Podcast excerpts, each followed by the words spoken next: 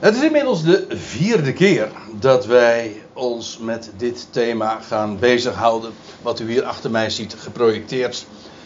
Koers houden. En in al die keren heb ik u bepaald bij wat we lezen in de tweede Timotheusbrief, het derde hoofdstuk. We zijn begonnen toen met de bespreking van vers 1. En nu zijn we inmiddels aangekomen bij het slot van datzelfde hoofdstuk. En ik wilde het ook hier maar even bij laten. Bij een, volgende, bij een andere gelegenheid kunnen we het altijd nog eens over dat vierde hoofdstuk, dat daar trouwens volledig op aansluit, uh, ons daarop richten. Maar er zijn nog andere onderwerpen ook die uh, de aandacht vragen.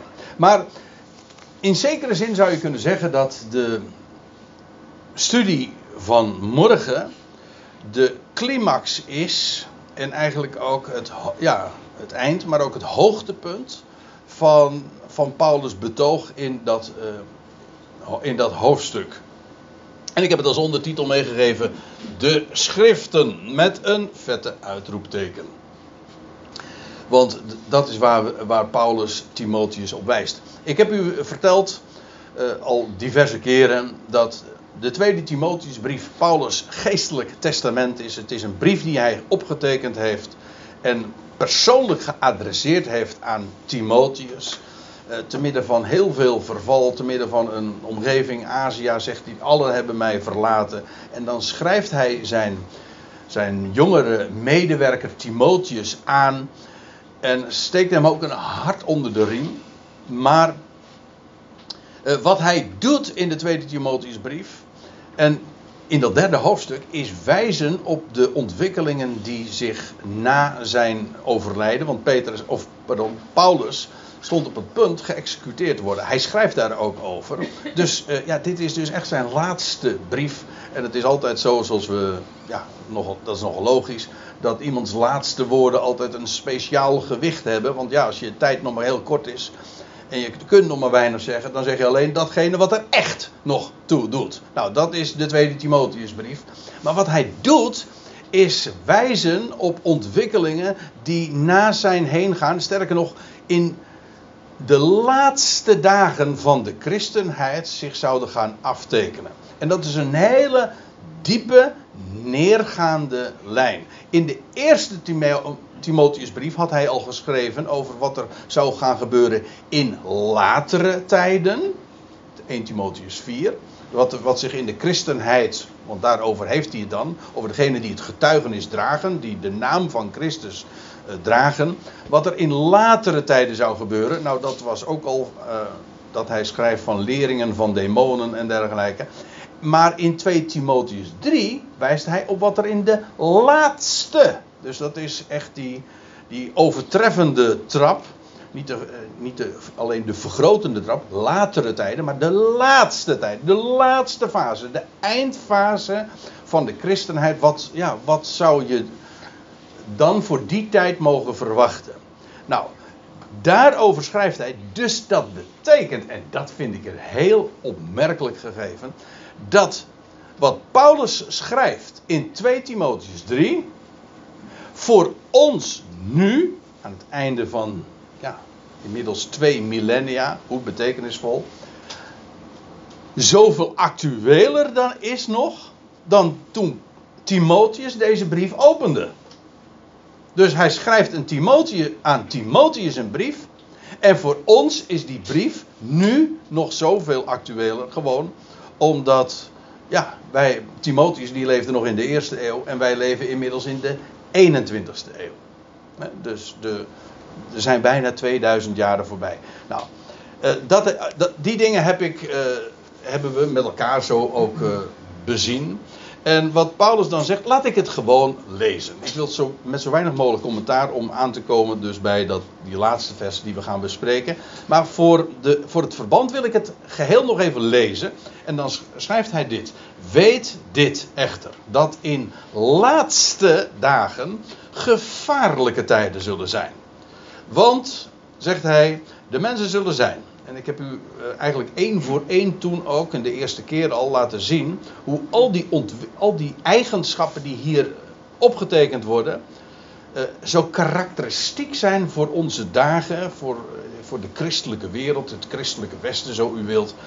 Want wat je dan ziet, is dat, dat die eigenschappen die hier genoemd worden, op zich zou je kunnen zeggen, ja, die zijn van alle tijden. Jawel, maar dit zijn eigenschappen die nu ook verheerlijkt worden, die op gepromoot worden, echt, echt ja, trending zijn. Die, die, die, die, die horen helemaal bij de tijdgeest. Goed, de mensen zullen zijn liefhebbers van zichzelf, liefhebbers van geld, arrogant, pochers, lasteraars, voor ouders ongezeggelijk, ondankbaar, niet integer, zonder natuurlijke genegenheid, onverzoenlijk, verdachtmakers, onbeheerst, onhandelbaar, zonder genegenheid voor het goede, verraders, overhaast, beneveld, meer liefhebbers van, uh, van genot dan van God. Ze hebben een vorm van eerbied. En met name dit punt is dus ook van belang, omdat je, dat, dat Paulus hier dus inderdaad spreekt over dat wat doorgaat voor de, christelijke eer, voor de christelijke wereld. Ze hebben een vorm van eerbied, van godsdienstigheid, dat wel. Maar de kracht daarvan gelogend. Mijt ook deze. Houd ze op afstand. Minimaal anderhalve meter, zal ik maar zeggen.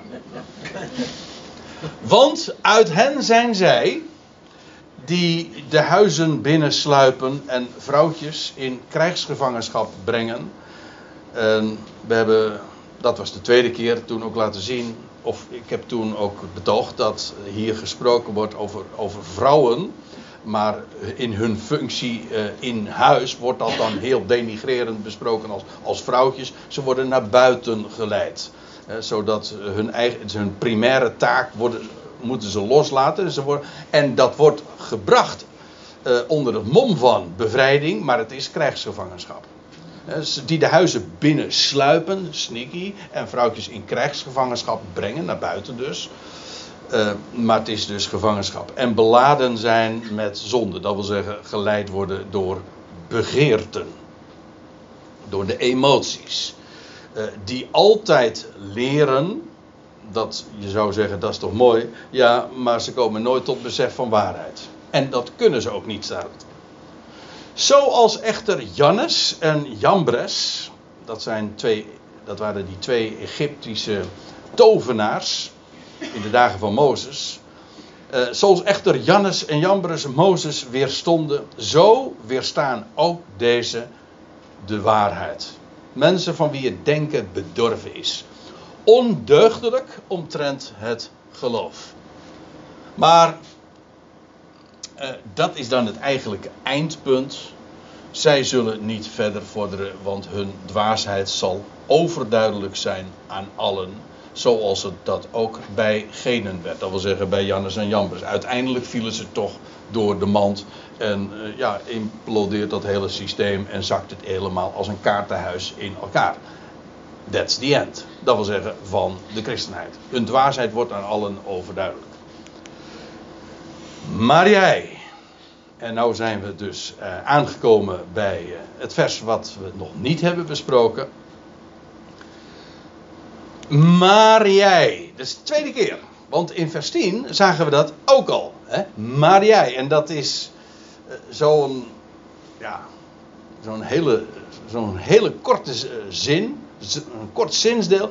Dat precies aangeeft de sfeer van. Ja, eigenlijk de, hele, de sfeer van de hele Timotheusbrief. Het is. Maar jij. Dat is enkelvoud. Hè? Jij is enkelvoud. Niet jullie, maar jij. Die ene tegenover de meerderheid. De massa die, die weggaat, die meegaat in die neergaande stroom.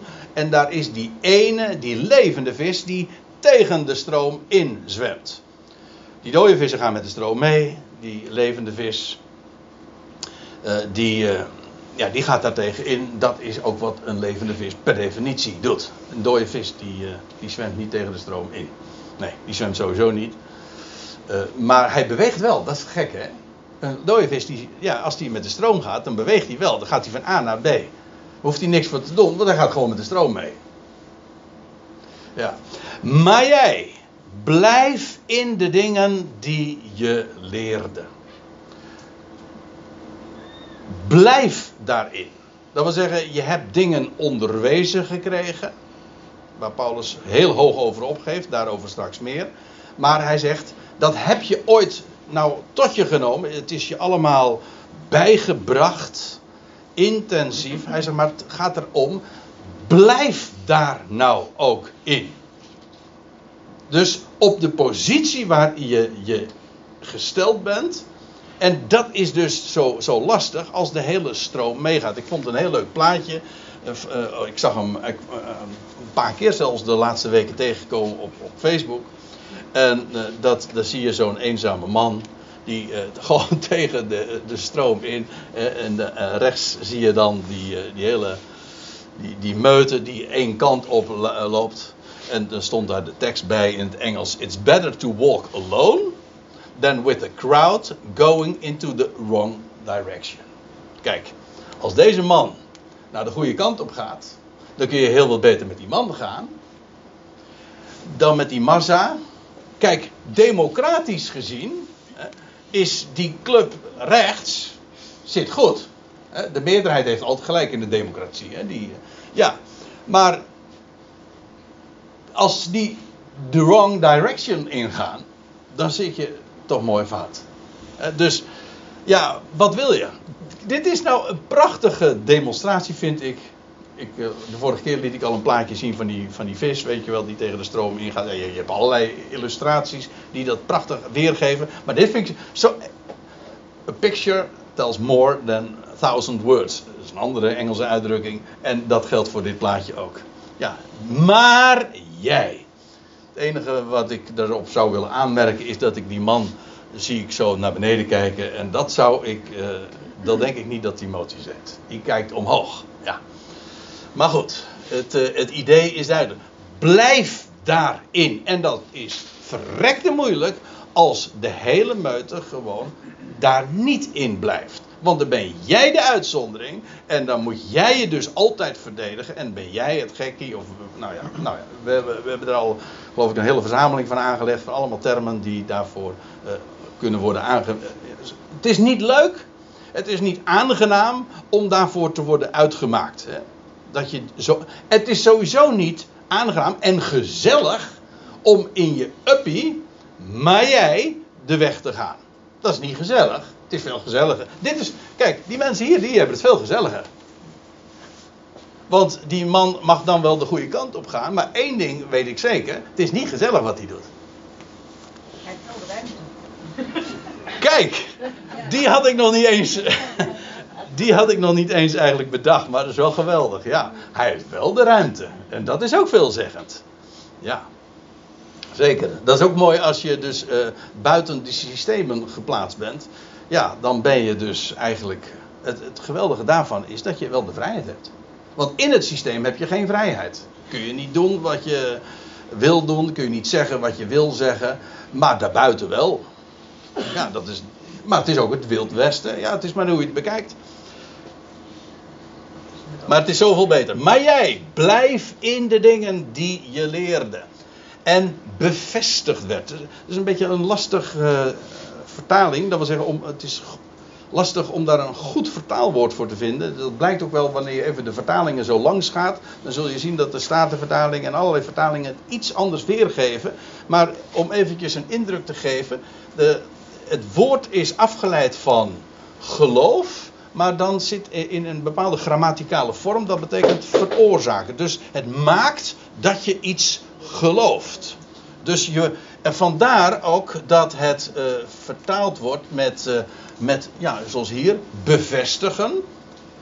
Als iets bevestigd wordt, dan maakt dat dat je het inderdaad kunt geloven. En uh, de, in de, in de ISA-weergave wordt het vertaald met verifiëren. En als iets geverifieerd is, ja, dan, heb je, dan heb je het gecheckt.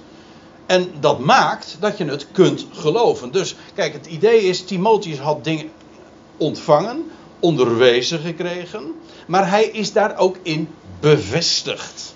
Hoe dan wel? Wel, de dingen zijn geverifieerd, het is onder bewijs gesteld. Dat maakt dat hij het daadwerkelijk ook kon geloven. Zodat het dus een betrouwbaar, geloofwaardig woord is. Dat is het idee. En Paulus zegt dus: blijf erin. Je hebt het geleerd. Je weet dat het dus ook waar is. Want het is geverifieerd, het is onder bewijs gesteld. De bonnetjes zijn allemaal te, erbij geleverd. Dus je weet dat. En nu komt het erop aan daar gewoon in te blijven. En je zegt, daar hoef ik toch niks voor te doen. Nee, dat hoef je ook niks voor te doen. Je moet er alleen in blijven.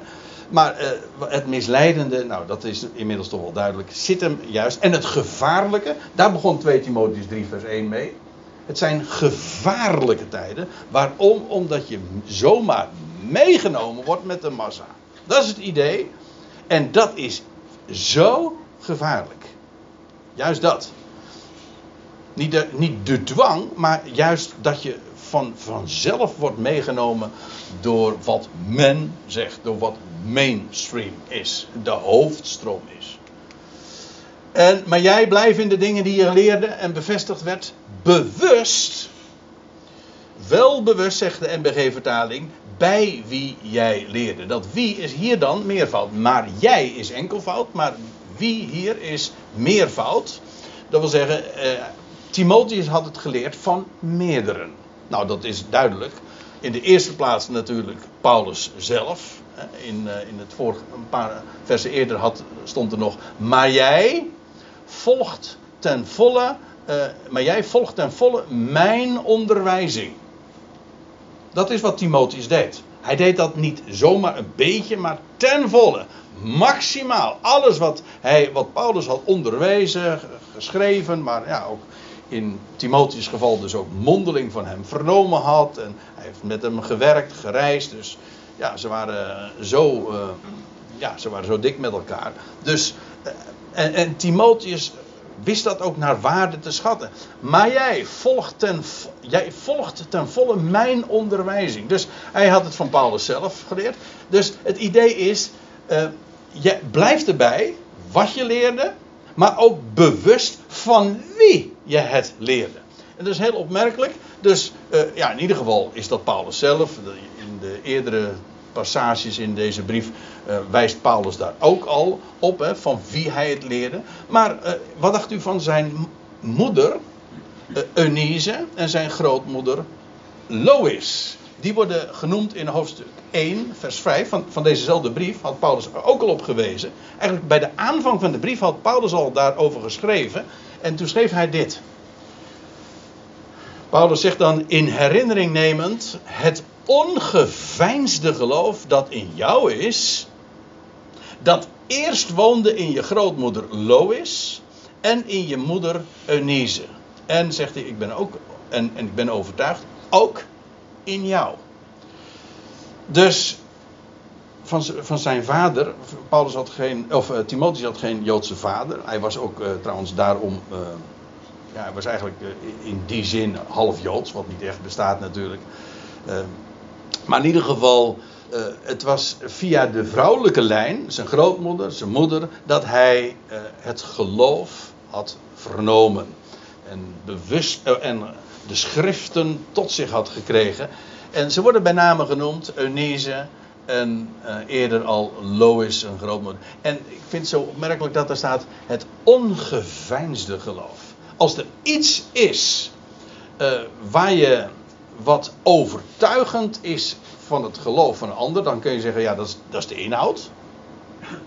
Als je weet dat wat een ander zegt betrouwbaar is, ja, dan is dat dus geloofwaardig. En dan, dan, hecht je daar, dan hecht je daar waar aan. Dan ben je bereid om daar naar te luisteren, want dat moet dan waardevol zijn. Maar als je ziet dat dat ongeveinsd is bij, nou, vooral bij mensen die je zo dichtbij staan, je moeder, je grootmoeder, je, die ken je privé, je, kunt, je kent hun gangen, dan weet je of het echt is of niet echt is.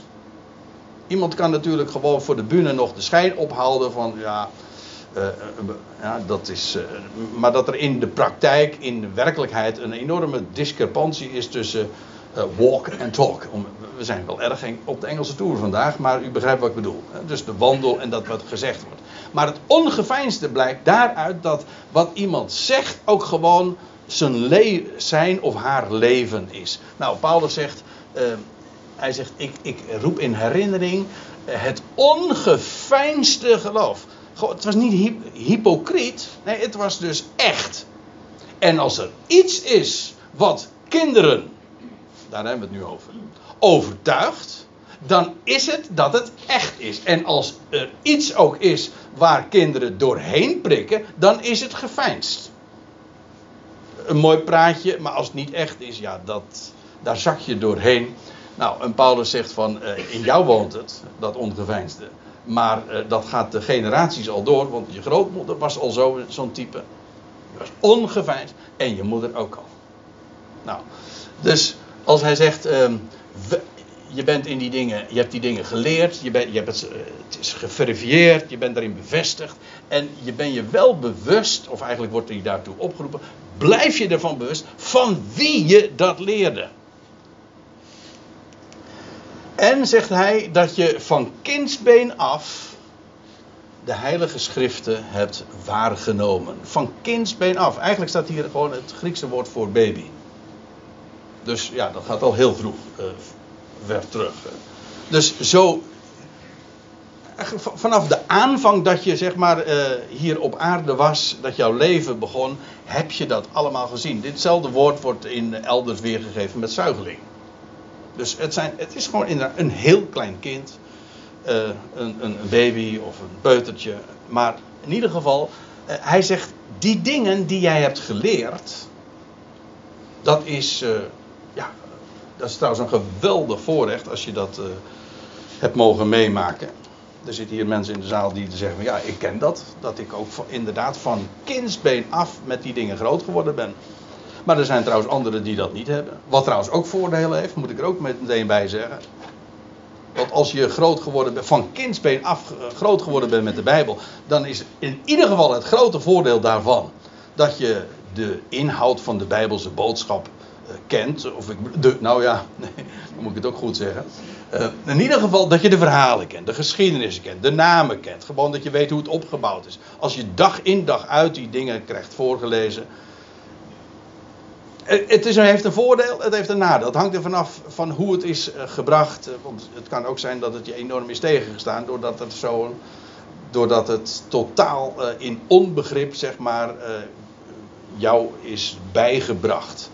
Maar het is aan zich een enorm voorrecht. Zoals in Timotheus' geval. Dat hij een, een, een gelovige oma en moeder had. Die ongeveinsd geloofde en die ook voortdurend hem hebben gewezen. Nou, nee, ja, niet alleen hem hebben gewezen, maar zelf leefde het voorbeeld gaven van de schriften. De waarde van de schriften. Dat je van kindsbeen af de heilige schriften hebt waargenomen. Die jij kent, maar eigenlijk staat daar iets wat met waarneming te maken heeft. Ja, en wat is waarneming? Dat heeft te maken met de zintuigen. In dit geval natuurlijk vooral um, dat wat je ziet en hoort. Trouwens, eventjes eerst nog uh, die heilige schriften. Uh, dat is voor Timotheus, als, als Paulus dat hier zo zegt, dan is dat wat wij dan noemen het Oude Testament. Ik bedoel, Timotheus pas toen hij eenmaal een jonge man was, kwam hij in aanraking met Paulus. We weten daar uh, tamelijk veel van, want dat wordt allemaal beschreven in Handelingen 16. Dus hij kwam in aanraking met Paulus, die daar in, eh, in de landstreek van, eh, van Galatië was. En dan, uh, dan hoort hij ja, het evangelie van Jezus Christus. Nou, maar daarvoor al, als klein ventje, als, baby al, kende hij de Heilige Schriften. Maar dan hebben we het dus uiter, uiteraard over de Hebreeuwse Bijbel, over de Tenach. Zo heeft Timotheus het waarschijnlijk genoemd. En zo is het hem verteld. De Tenach, dat is eigenlijk de Torah, de Nevi'im, dat wil zeggen de profeten en, en, en uh, nee, de, ja, de, wet, de geschriften en de, de wet en de profeten en de geschriften. Zo was die, ja. Dat is de Tenach, dat is eigenlijk een acroniem. Maar in ieder geval, het zijn heilige schriften en dat betekent, het zijn maar niet zomaar boeken. Ja, uh, ik bedoel, er zijn, zoveel, er zijn zoveel boeken. Ja, maar het gaat hier over heilige schriften. Eh, of gewijd maar daarmee dus apart gesteld, die van een totaal andere orde zijn. Het zijn heilige schriften. Nou ja, waarom? Dat zullen we straks eh, ook wel zien. Het is van God gegeven. Het heeft een goddelijke handtekening. Een goddelijk keurmerk. En dat is eh, dat wat het uniek maakt. En Timotheus, dat is waar Paulus op wijst. Jij kent al vanaf dat jij in de wieg lag, heb jij die schriften waargenomen. Nog misschien totaal niet begrepen, maar je hebt er al van gehoord en je hebt het al gezien. Ik bedoel, als die meegenomen werd naar de synagoge eh, en daar ging de boekrol open en er werd uit gelezen, dan hoorde hij die klanken en werden de, de verhalen, de geschiedenissen allemaal eh, verteld. Hij kende dat.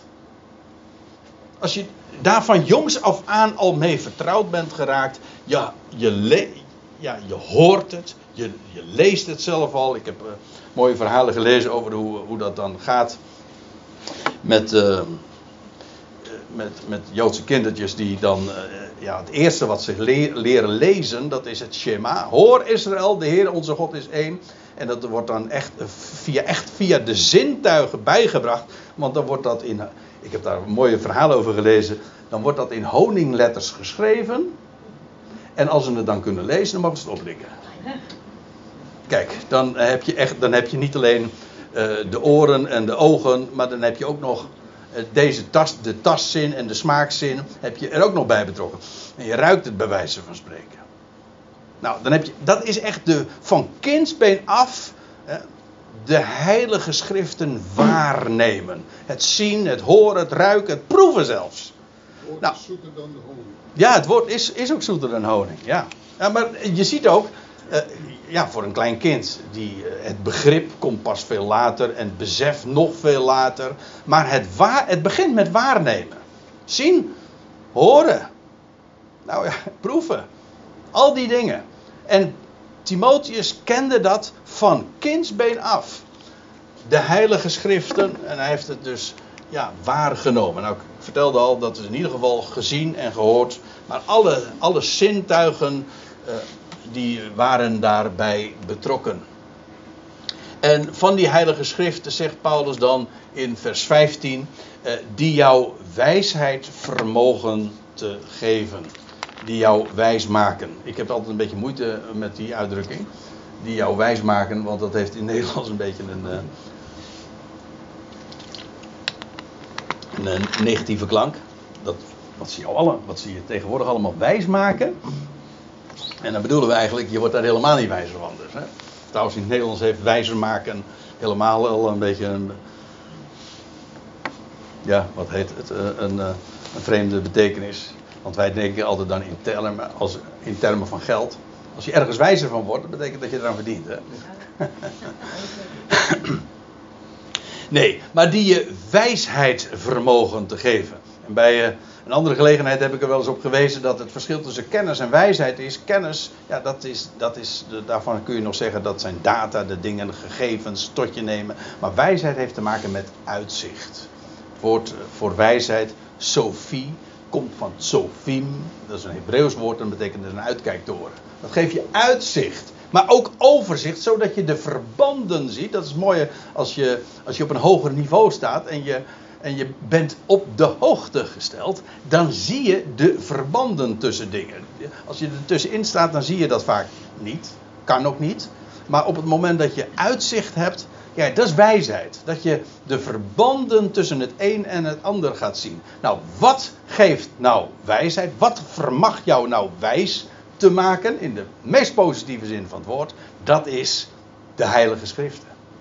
En zoals hij daar van kindsbeen af mee groot geworden was, ja, Timotheus had daarmee een enorme voorsprong natuurlijk ook. En dat is een, nou ja, een voorsprong. En het is een geweldig voorrecht. Zo wordt dat ook door Paulus hier verteld. Dus die jouw wijsheid vermogen te geven. Ja, tot wat? Ja, tot redding.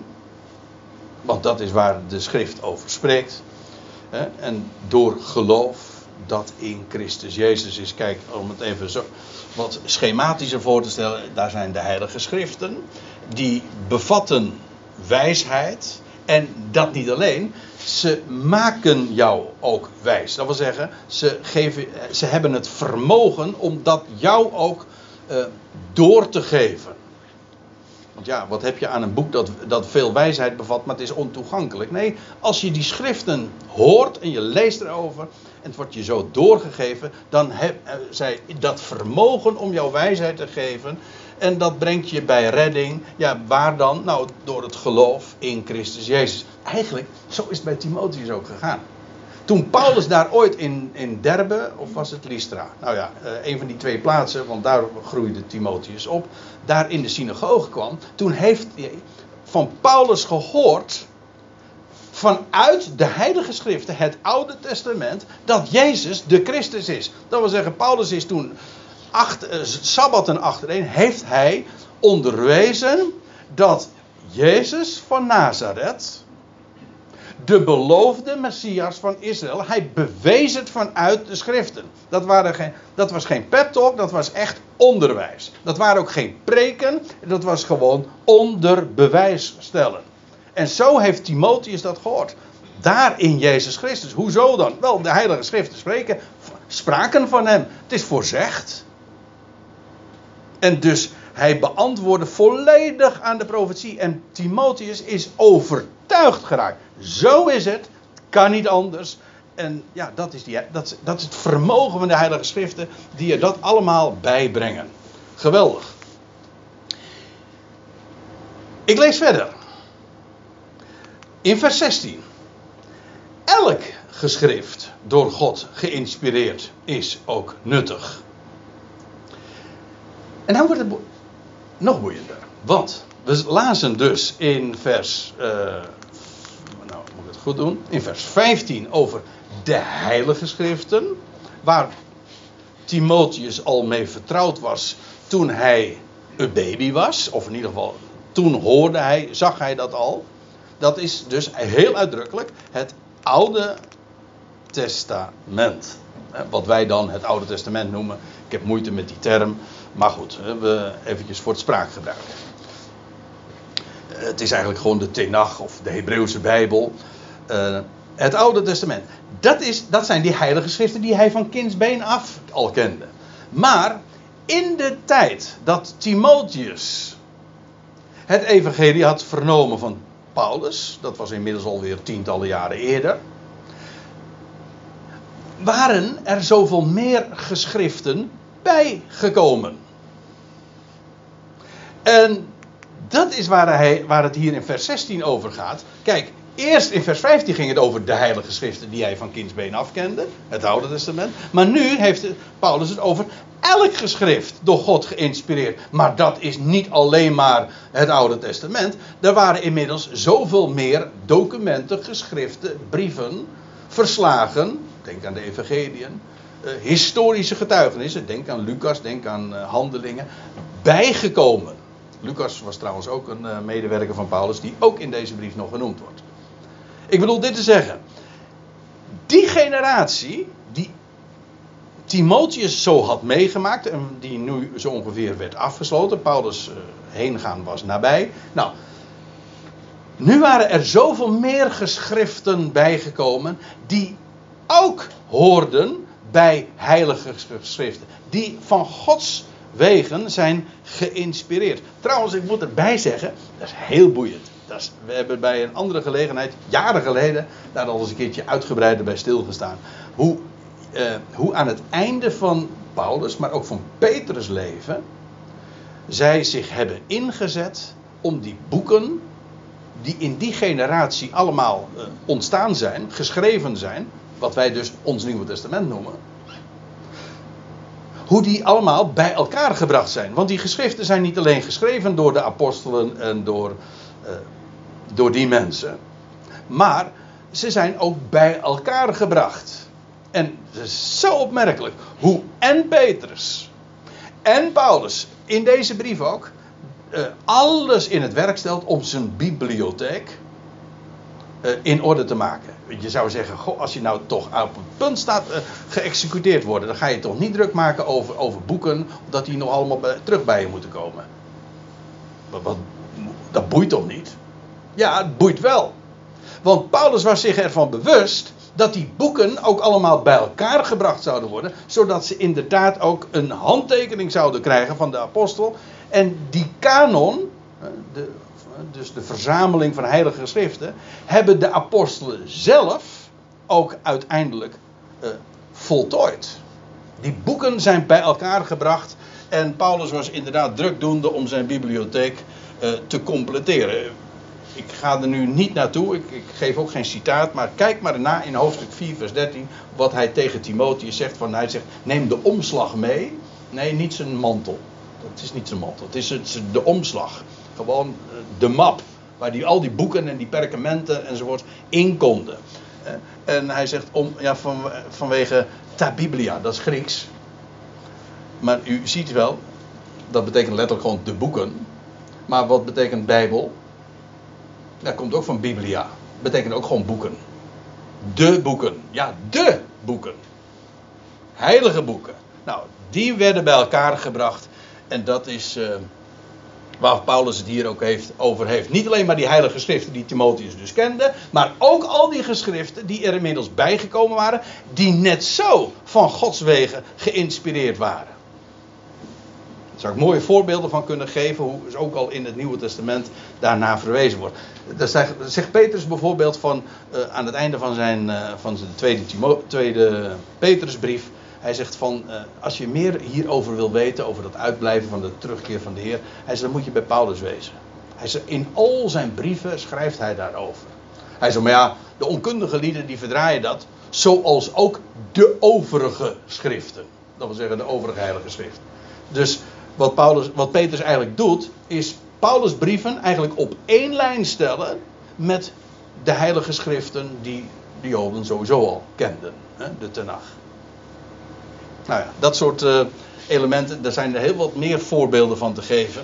Maar wat ik uh, bedoel te zeggen is, of wat Paulus zegt, elk geschrift, dus ook alles wat er nu bijgekomen is, door God geïnspireerd, is ook nuttig. Er staat in het Grieks hier een woord, door God geïnspireerd, door God ingegeven, zegt de NBG-vertaling. Letterlijk staat hier in het Grieks het woordje theopneustos. Pneu heeft te maken met blazen, ook met pneuma, met geest, met adem. Maar theopneustos betekent letterlijk God geblazen. Dat, die geschriften. Kijk, dus de eerste keer dat we lezen dat God blies, dat is in Genesis 2, vers 7. God blies in Adam, hij werd geformeerd uit de aarde. Staat er. Maar was Adam toen een levende ziel? Nee, toen was bij Nee, toen was hij eh, zeg maar eh, geconstrueerd, of hoe zeg je dat nou netjes? Maar was hij nee, geformeerd? Ja, maar dat was niet het, dat was niet eindpunt. Die Adam werd ook de levensadem werd in zijn neusgaten geblazen. En, al, en alzo werd hij, staat er, een levende ziel. Hij was een levende ziel. Waarom? Omdat God in hem geblazen had. Nou, nou zegt Paulus dit. Van, de heil, van die geschriften, die er nu ook bijgekomen waren. Elk geschrift, net als die heilige schriften, het Oude Testament, is van God geïnspireerd, van God geblazen. Dat betekent gewoon dat die schriften, die zijn geïnspireerd. Inspireren, dat is, eigenlijk een heel mooi woord. Want inspireren, spirit, dat betekent eigenlijk ook blazen. Hè? De geest zit daarin. Wij denken van, ja, ik ben geïnspireerd. Niet, maar niet die schrijvers waren geïnspireerd. We zijn geneigd om dat te denken. Een schrijver werd geïnspireerd om iets op te tekenen. Nee, niet die schrijvers waren geïnspireerd ja, je mag het zo wel noemen, maar daar heeft die Paulus het niet over. Die boeken, die geschriften, die zijn geïnspireerd. En dat betekent, als God erin blaast, theopneustos, dan is het dus levend. Want als God blaast, dan wordt inderdaad, ontstaat er leven. En dat betekent dus dat de schriften levende schriften zijn. Ze ze zijn levend, ze geven ook leven. Ze spreken ook van leven. Het zijn maar geen dode lettertjes. Het geheel is levend. Het is één geheel. Het, is al die, het zijn puzzelstukjes die bij elkaar horen, maar nog veel meer dan dat. Het is niet alleen bij elkaar gebracht zoals Adam geformeerd was. Nee, het is levend. En het geeft vrede, het geeft vreugde, het, is, het heeft kracht. Nou, het heeft alle kenmerken van leven. Ja, het, het, het brengt ook leven voort. Dat is een van de, de kenmerken van leven. Het plant voort. Nou, dat is wat de schrift ook doet. Het vermag leven te geven. Het spreekt ook, heel de Bijbel vanaf Genesis 1 tot aan het laatste hoofdstuk, spreekt van leven. Van hem die de dood heeft overwonnen. Het is, en dan, dan lees je verhalen over, over, over Isaac die geofferd werd. Of over een Josia. Nou, noem maar op. Of over Simpson. Maar het gaat allemaal over hem die werd opgewekt uit de doden. Er zijn oude, dode verhalen, zou je zeggen. Ja, over mensen die al lang gestorven zijn. Maar het, is zijn geen dode verhalen. Het is levend. Het spreekt van hem allemaal die leeft. En die de dood heeft overwonnen. Kijk, dat is van Gods wegen geïnspireerd. En vandaar ook nuttig. Dat betekent, het is niet alleen levend. Maar ook, ja, heilzaam. Nuttig. Ja, waarna de volgende vraag is: met het oog op wat dan? Nou, Paulus noemt vier dingen. Waar de schriften, die levend zijn, geïnspireerd, waarom ze nuttig zijn. Met het oog waarop dan? Wat kun je ermee? Nee, dat is verkeerd gezegd. Het gaat er niet om wat wij met die schriften kunnen, maar wat de schrift met ons kan. Hebt u hem? Ik zeg nog een keer Engels, feel the difference. Niet wat doen wij met de Bijbel. Nee, wat doet de Bijbel met ons? Dat is meestal zo, hè? Wat doe je? Ja, maar wat doe je met die Bijbel? Nee, wat gaat. Die schrift is, is levend, het is krachtig. En dat doet wat met ons. Het, e- waar het om gaat is dat je met die schrift in aanraking komt. Dat je die ziet, dat je die hoort, dat je erbij blijft. Dat is waar. Maar die schrift doet zijn werk wel. Dat is het geweldige. Je hoeft ook. Dat, het enige wat van belang is, dat je die schriften hoort. Dat je je oor te luisteren legt. Wat zeggen ze? En, en ze zeggen van ja, maar vervolgens, meestal is dat uh, de, de, het verhaal in kerken en, en, dominees dan vertellen. Sorry dat ik het misschien wat negatief vertel. Maar uh, dat is dan de toepassing. Wat doe jij ermee? En dat is, dat is een anticlimax. Waarom? Omdat de climax nu juist is dat die schriften zoveel in potentie hebben, zoveel vermogen hebben, ze veranderen jou. Dus het gaat er niet om wat ik ermee doe. Het gaat erom wat het woord met mij doet. En over het eerste denk je altijd te hoogmoedig. Als je zegt van ja, wat doen wij met de Bijbel? Dan zeg ik altijd te weinig. Ja. Wat wij doen, verklooien. Sorry dat ik het eventjes plat zeg. Maar dat is wat wij, wat wij doen. Weet u wat de schrift doet? Die geeft leven. Die maakt je wijs. Die geeft je kracht. Dat geeft je uitzicht. Dat is wat de schrift doet. Over dat laatste denk je per definitie te klein. Over wat Gods woord vermag te doen met een mensenleven. Ongekend. No limits. We blijven Engels bezig ja, nuttig tot onderwijzing. Hè? Om te onderrichten. Ja, ja, onderwijs betekent gewoon dat je dingen duidelijk maakt. Ook daarvan zeg ik weer, het is geen, niet preken, het is geen talk. Om je, nee, het is gewoon echt onderwijs ook geven. Weten hoe het zit, zodat het duidelijk is. Dingen moeten ook uitgelegd worden. En ik vind trouwens het woordje onderwijs ook erg mooi. Want uh, eigenlijk in, dus, dus ik geef toe, dat is even de, de, de voetnoot die ik erbij moet vermelden. Dat is wat in het Nederlands uh, erg mooi is. Maar goed, we, spreken nu in het Nederlands. Dus uh, onderwijzen, dat is eigenlijk wijzen op wat er onder de oppervlakte ligt. Eronder wijzen.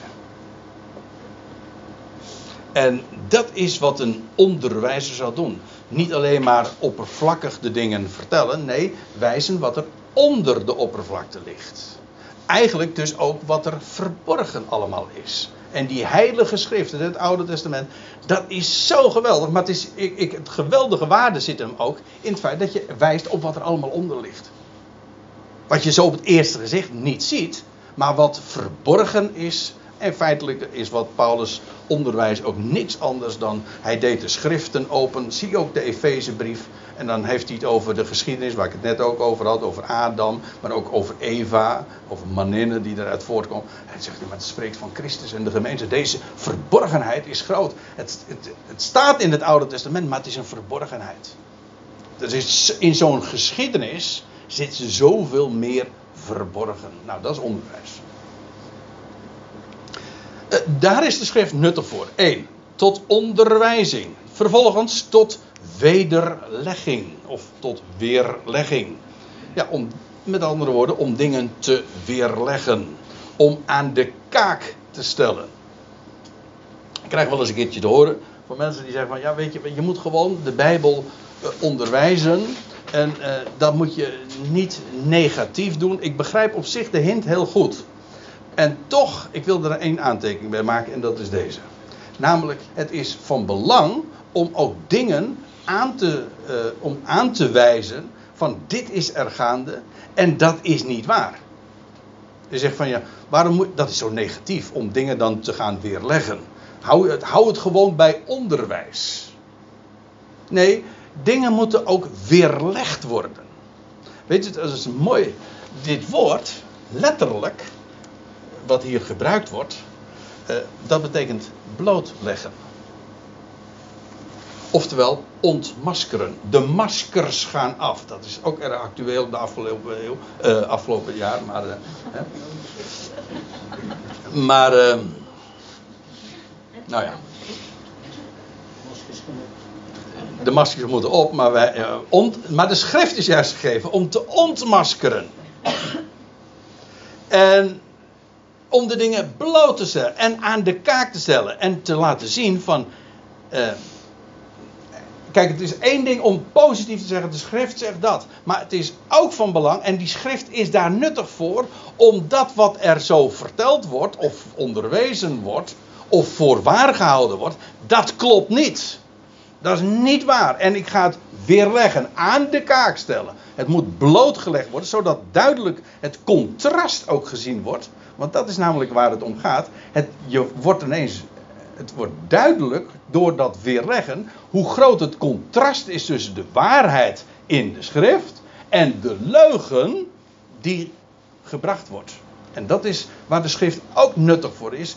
Om de bewijzen voor de waarheid te stellen, maar ook om daarmee dus de leugen te ontkrachten. En, en ik moet er trouwens wel bij zeggen, de beste manier om de. Kijk, nee, de, ja, de beste manier uh, om dat te, doen is gewoon inderdaad de schrift tot je te nemen. Kijk, uh, iemand zei het eens een keer zo, heel puntig, en dat vond ik een hele mooie samenvatting. Je hoeft de leugen niet te kennen om hem toch te herkennen. De wa Begrijpt u wat? Dus je hoeft je niet bezig te gaan houden met de leugen. Uh, om hem. Uh, je, degene die de. Laat ik het zo zeggen. Als je de waarheid kent, zul je vanzelf de leugen herkennen. Als je goed weet. Om een voorbeeld te geven. Als je goed weet hoe, hoe een uh, legale munt, echt geld eruit ziet. Dan herken je onmiddellijk het valse muntstuk. Ook als je dat muntstuk nog nooit gezien hebt, maar je weet hoe een echt muntstuk eruit ziet. En je weet dat goed, dan herken je de valse munt. Dus in feite waar het om gaat is de waarheid te kennen. Maar dat maakt ook dat de schrift geschikt is om te weerleggen. Want dan weet je ook, dat klopt niet. Waarom? Omdat je de waarheid kent. Door en door. De, ware, de schriften zijn nuttig tot onderwijzing, tot weerlegging, nummer drie, tot correctie. Oftewel om te corrigeren. Letterlijk dus uh, staat er rechtzetting. Ja, dingen moeten rechtgezet worden. Ook in je eigen denken. Dat wat krom is, of verdraaid, of wat scheef is, zet de schrift recht. Zo gaat het in je eigen denken. Maar op, de, op het moment dat, de, dat je in aanraking komt met de schrift, dan worden dingen rechtgezet. Ook in je leven. Dat is ook geweldig. De kracht van de schrift is dat dingen die niet recht zijn, die niet kloppen, die scheef zijn of verdraaid in je leven, die wijst de schrift niet alleen maar aan, maar zet ze ook weer recht. Dat is wat de schrift ook doet. Ja, eigenlijk, uh, de schrift is nuttig tot alles wat van belang is. Daar komt het om neer. Tot de rechtzetting, tot opvoeding staat er ook nog bij. Hier wordt het uh, een Grieks woord wat wij nog herkennen in pedagogie. Maar paideia, dat is eigenlijk ook het idee daarvan is trainen. Discipline. De schriften disciplineren. Geef je ook, uh, het is heel leuk.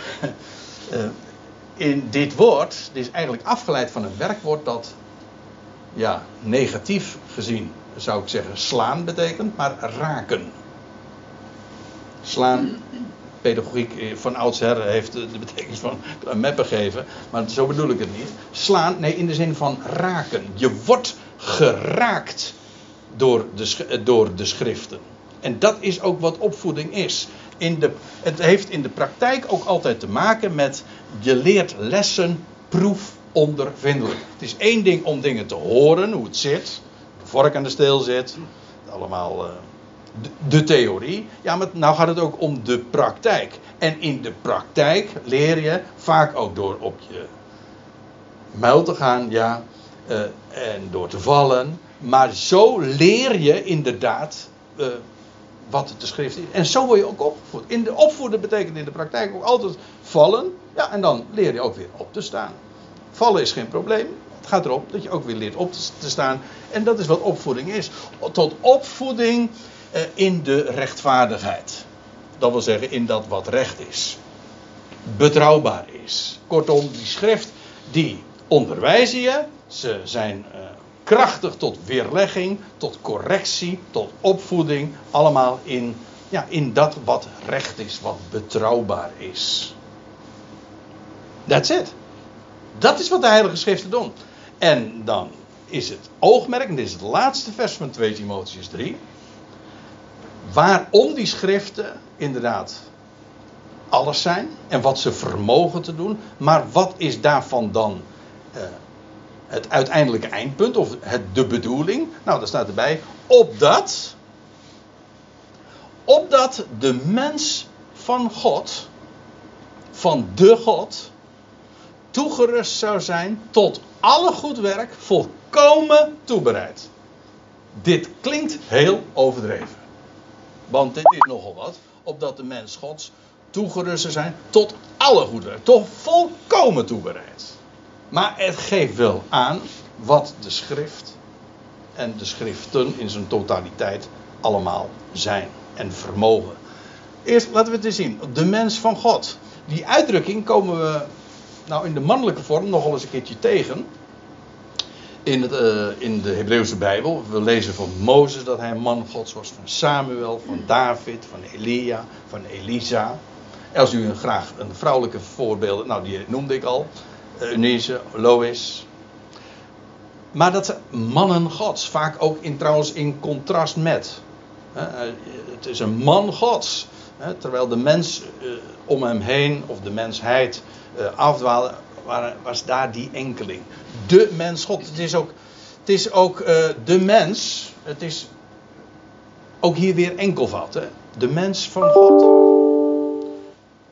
Het gaat namelijk om die ene die in tegenstelling tot de meute, de meerderheid, op God georiënteerd is. Dat is de mens van God. Namelijk georiënteerd is op de schriften. En wat, wat, het is dus geen klerikale term, ik bedoel geen kerkelijke. Wanneer ben je een mens gods? Als je de een of andere ambt bekleedt, of van mijn part een bisschop bent.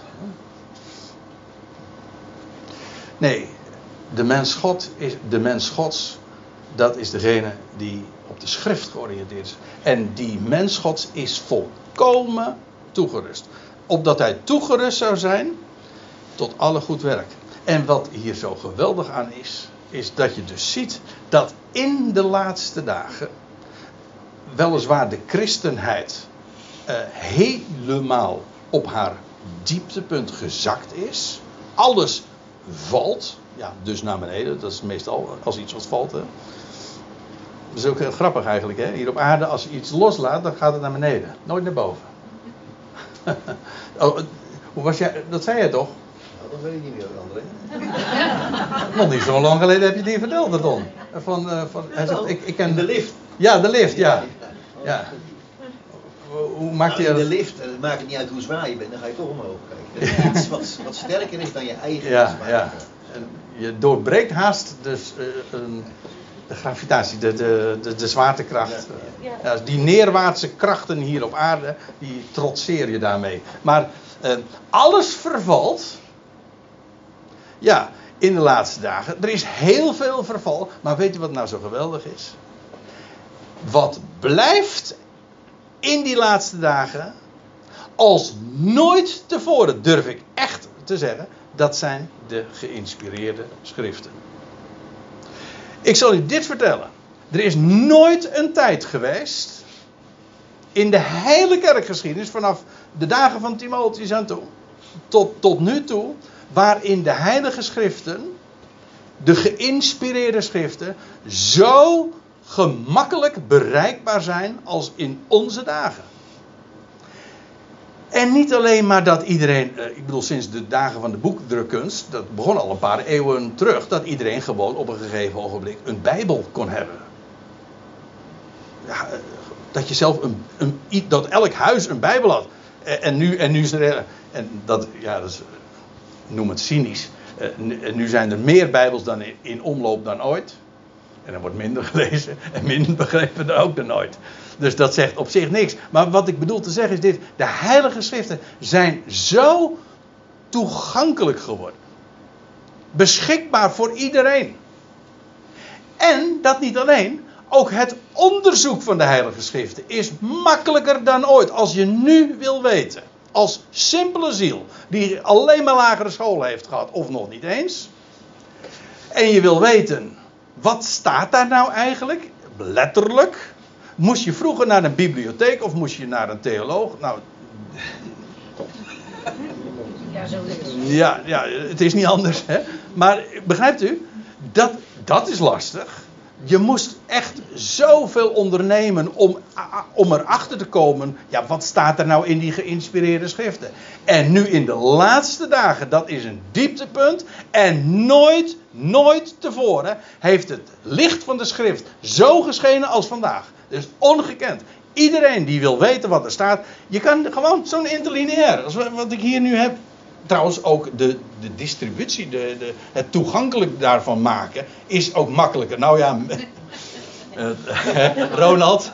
eh, eh, vandaag ging er iets mis, maar dat, dat gaat helemaal goed komen, want eh, het is vallen en weer opstaan. Eh, ik bedoel dit. Om, om, het is zo eenvoudig tegenwoordig. Je hoeft niet stad en land af te reizen om in een bibliotheek uiteindelijk na te gaan van ja, wat is het nou eigenlijk? Nu, je, zit allemaal onder je vingertoppen. Het is allemaal eh, direct beschikbaar. Inderdaad, je hoeft er niet eens voor naar huis. Je kan het gewoon, je, je, opent je mobieltje bij wijze van spreken. En je hebt zo direct toegang tot, tot, tot, tot, tot, tot de schatkamers. U zegt, ja, maar eh, er is zoveel meer ook nog. Of in ieder geval, zoveel ons. Dat is het punt, hè. Er is zoveel, er is zoveel prut, zoveel ja, shit, ja, wou ik zeggen.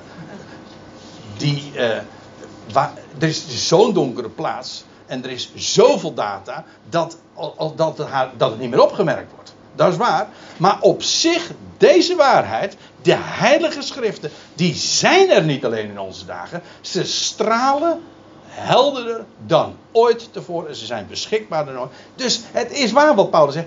Die schriften, daar zou je bij blijven. En wat er ook gebeurt in die laatste dagen, die zijn er en die blijven er. En het is het, geweldigste wat je in onze dagen kunt beleven. Dat, dat, is, dat voorrecht is ongekend.